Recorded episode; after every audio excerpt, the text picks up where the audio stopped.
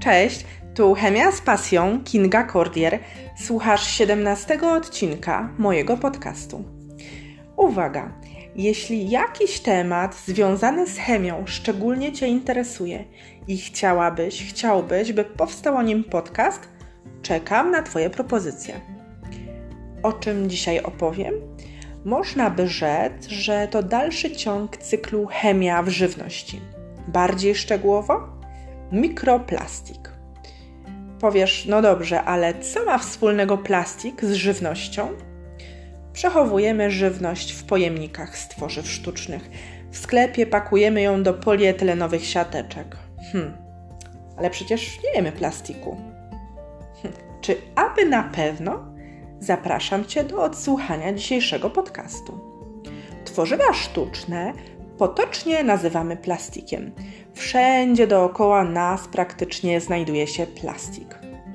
Znany jest nam szeroki problem z odpadami z tworzyw sztucznych. Codziennie pozbywamy się kilku siateczek, butelek, opakowań po kosmetykach itd. Tak itd. Tak Natomiast dużo mniej mówi się o skażeniu środowiska mikroplastikiem. Co to jest ten mikroplastik?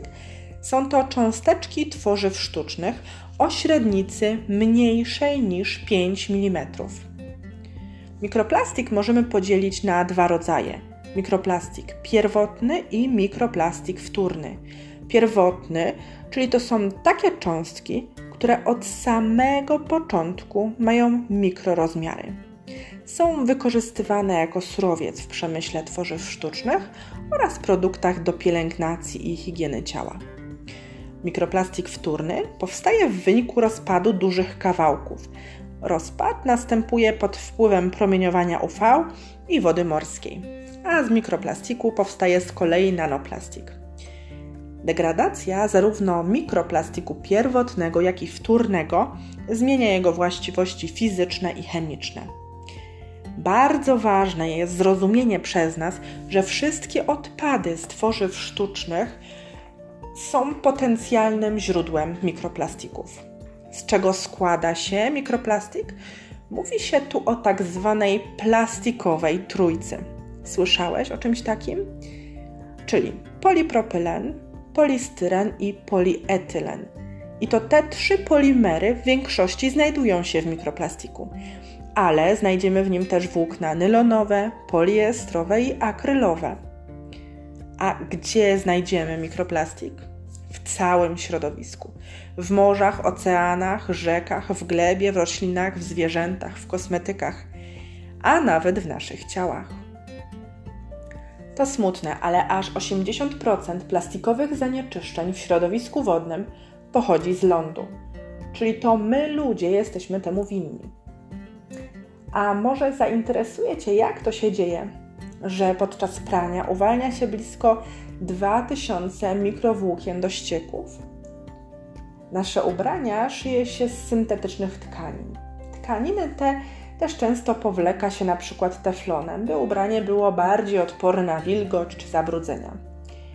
Ale to właśnie podczas prania takich ubrań uwalniają się mikrowłókna do ścieków – już nawet podczas samego noszenia tkanin, syntety tkanin syntetycznych mikrowłókna są uwalniane do powietrza. Tak jak wspomniałam przed chwilką, degradacja tworzywa sztucznego wpływa na zmianę jego właściwości, koloru, kształtu, wytrzymałości na rozciąganie. Dzieje się tak pod wpływem światła i ciepła. Zdegradowane tworzywo sztuczne rozpada się na coraz to mniejsze kawałki. Powstałe mikroplastiki rozpadają się na jeszcze mniejsze fragmenty. Tworzywa sztuczne znajdujące się w wodzie będą ulegały degradacji dłużej. Dlaczego? W porównaniu z tworzywami sztucznymi znajdującymi się na plaży, w wodzie brakuje wsparcia promieniowania UV. Mikroplastik w kosmetykach? Tak. Jest on używany w postaci mikroperełek czy mikrogranulek mikrokulek, na przykład w peelingach do twarzy, środkach czyszczących do rąk. Tu mikroplastik zastąpił naturalne składniki, czyli na przykład migdały, płatki owsiane czy pumeksy. Co się dzieje dalej z takimi mikroperełkami po naszym takim domowym spa? Najpierw trafiają one do ścieków, a później do środowiska wodnego. Niestety mikroplastiki nie są wychwytywane przez oczyszczalnie, bo ich niewielki rozmiar pozwala im przejść etapy oczyszczania mechanicznego. A jakie zagrożenia niesie ze sobą mikroplastik? Dość często zdarza się, że jest on zjadany, spożywany przez małże, ryby, żółwie, ptaki morskie. Jest on po prostu przez nie mylony z pożywieniem. Mikroplastik prowadzi do zablokowania przewodu pokarmowego, może też uszkodzić jelita. Został on wykryty w skrzelach i gruczołach trawiennych małż, w jajnikach i skrzelach krabów. Zostało również udowodnione karmienie piskląt granulatem przez albatrosa czarnonogiego. One, zwierzęta po prostu mylą mikroplastik z pożywieniem.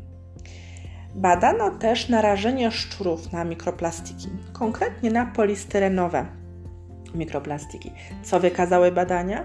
Zapalenie płuc, obniżenie aktywności enzymów. A jak myślisz, czy zjadasz plastik? Tak, tak. To nie jest nasze pożywienie, ale według raportu organizacji pozarządowej i ekologicznej WWF w przeciągu tygodnia zjadamy 5 gramów tworzyw sztucznych. Wyjmij teraz z portfela swoją kartę płatniczą. To mniej więcej tyle plastiku trafia do Twojego organizmu tygodniowo.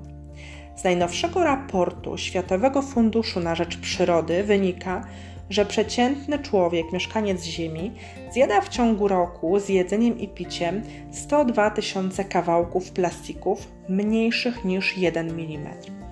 Rocznie daje to nam ćwierć kilograma. Badania wykazały, że 90% mikroplastików wprowadzamy do naszych organizmów pijąc zanieczyszczoną wodę, czy to butelkową, czy tą wodę z kranu. W Europie 72% wody w kranach zawiera plastik. Plastik zjadamy też z owocami morza czy z solą. A zastanów się teraz, często pijesz herbatę? A czy wiesz, że nie wszystkie torebki herbaty są papierowe? Aż 96% z nich zawiera polipropylen przy użyciu mikroskopów elektronowych naukowcy zaobserwowali, że pojedyncza torebka na herbatę w temperaturze parzenia uwalnia do wody około 11 miliardów cząsteczek mikroplastiku i 3 miliardy nanoplastiku. A posłuchaj teraz. Torebka foliowa, czas jej produkcji to jedna sekunda. Używasz ją przez jedne zakupy około 30 minut. Potem rozkłada się ona przez 400 lat. I to jest właśnie taki moment w tym podcaście, kiedy możemy przemyśleć, czy nie warto zacząć używać na przykład ekotorby, pomyśleć, co robimy ze śmieciami z tworzyw sztucznych. Czy możemy w jakiś sposób sami ograniczyć ich ilość w swoich domach? Mikroplastik jest sporym zagrożeniem dla fauny i flory. Ryzykiem jest nie tylko sam materiał, ale też zdolność mikroplastików do adsorbowania zanieczyszczeń środowiskowych. Miejscowe stężenie zanieczyszczeń może być zwiększone milionkrotnie. Uważa się też, że mikroplastik może wpływać na procesy ekologiczne. A jakie zanieczyszczenia adsorbuje mikroplastik? wielopierścieniowe węglowodory aromatyczne, polichlorowane bifenyle, metale ciężkie. I to dziś na tyle. Jeśli spodobał Ci się ten podcast, podaj dalej, podeślij link znajomym. Słuchałeś mnie po raz pierwszy? Zapraszam Cię na mój blog na Facebooku Chemia z pasją. Znajdziesz mnie też na YouTubie, Spotify, Google Podcast i od niedawna na Instagramie. Dziękuję.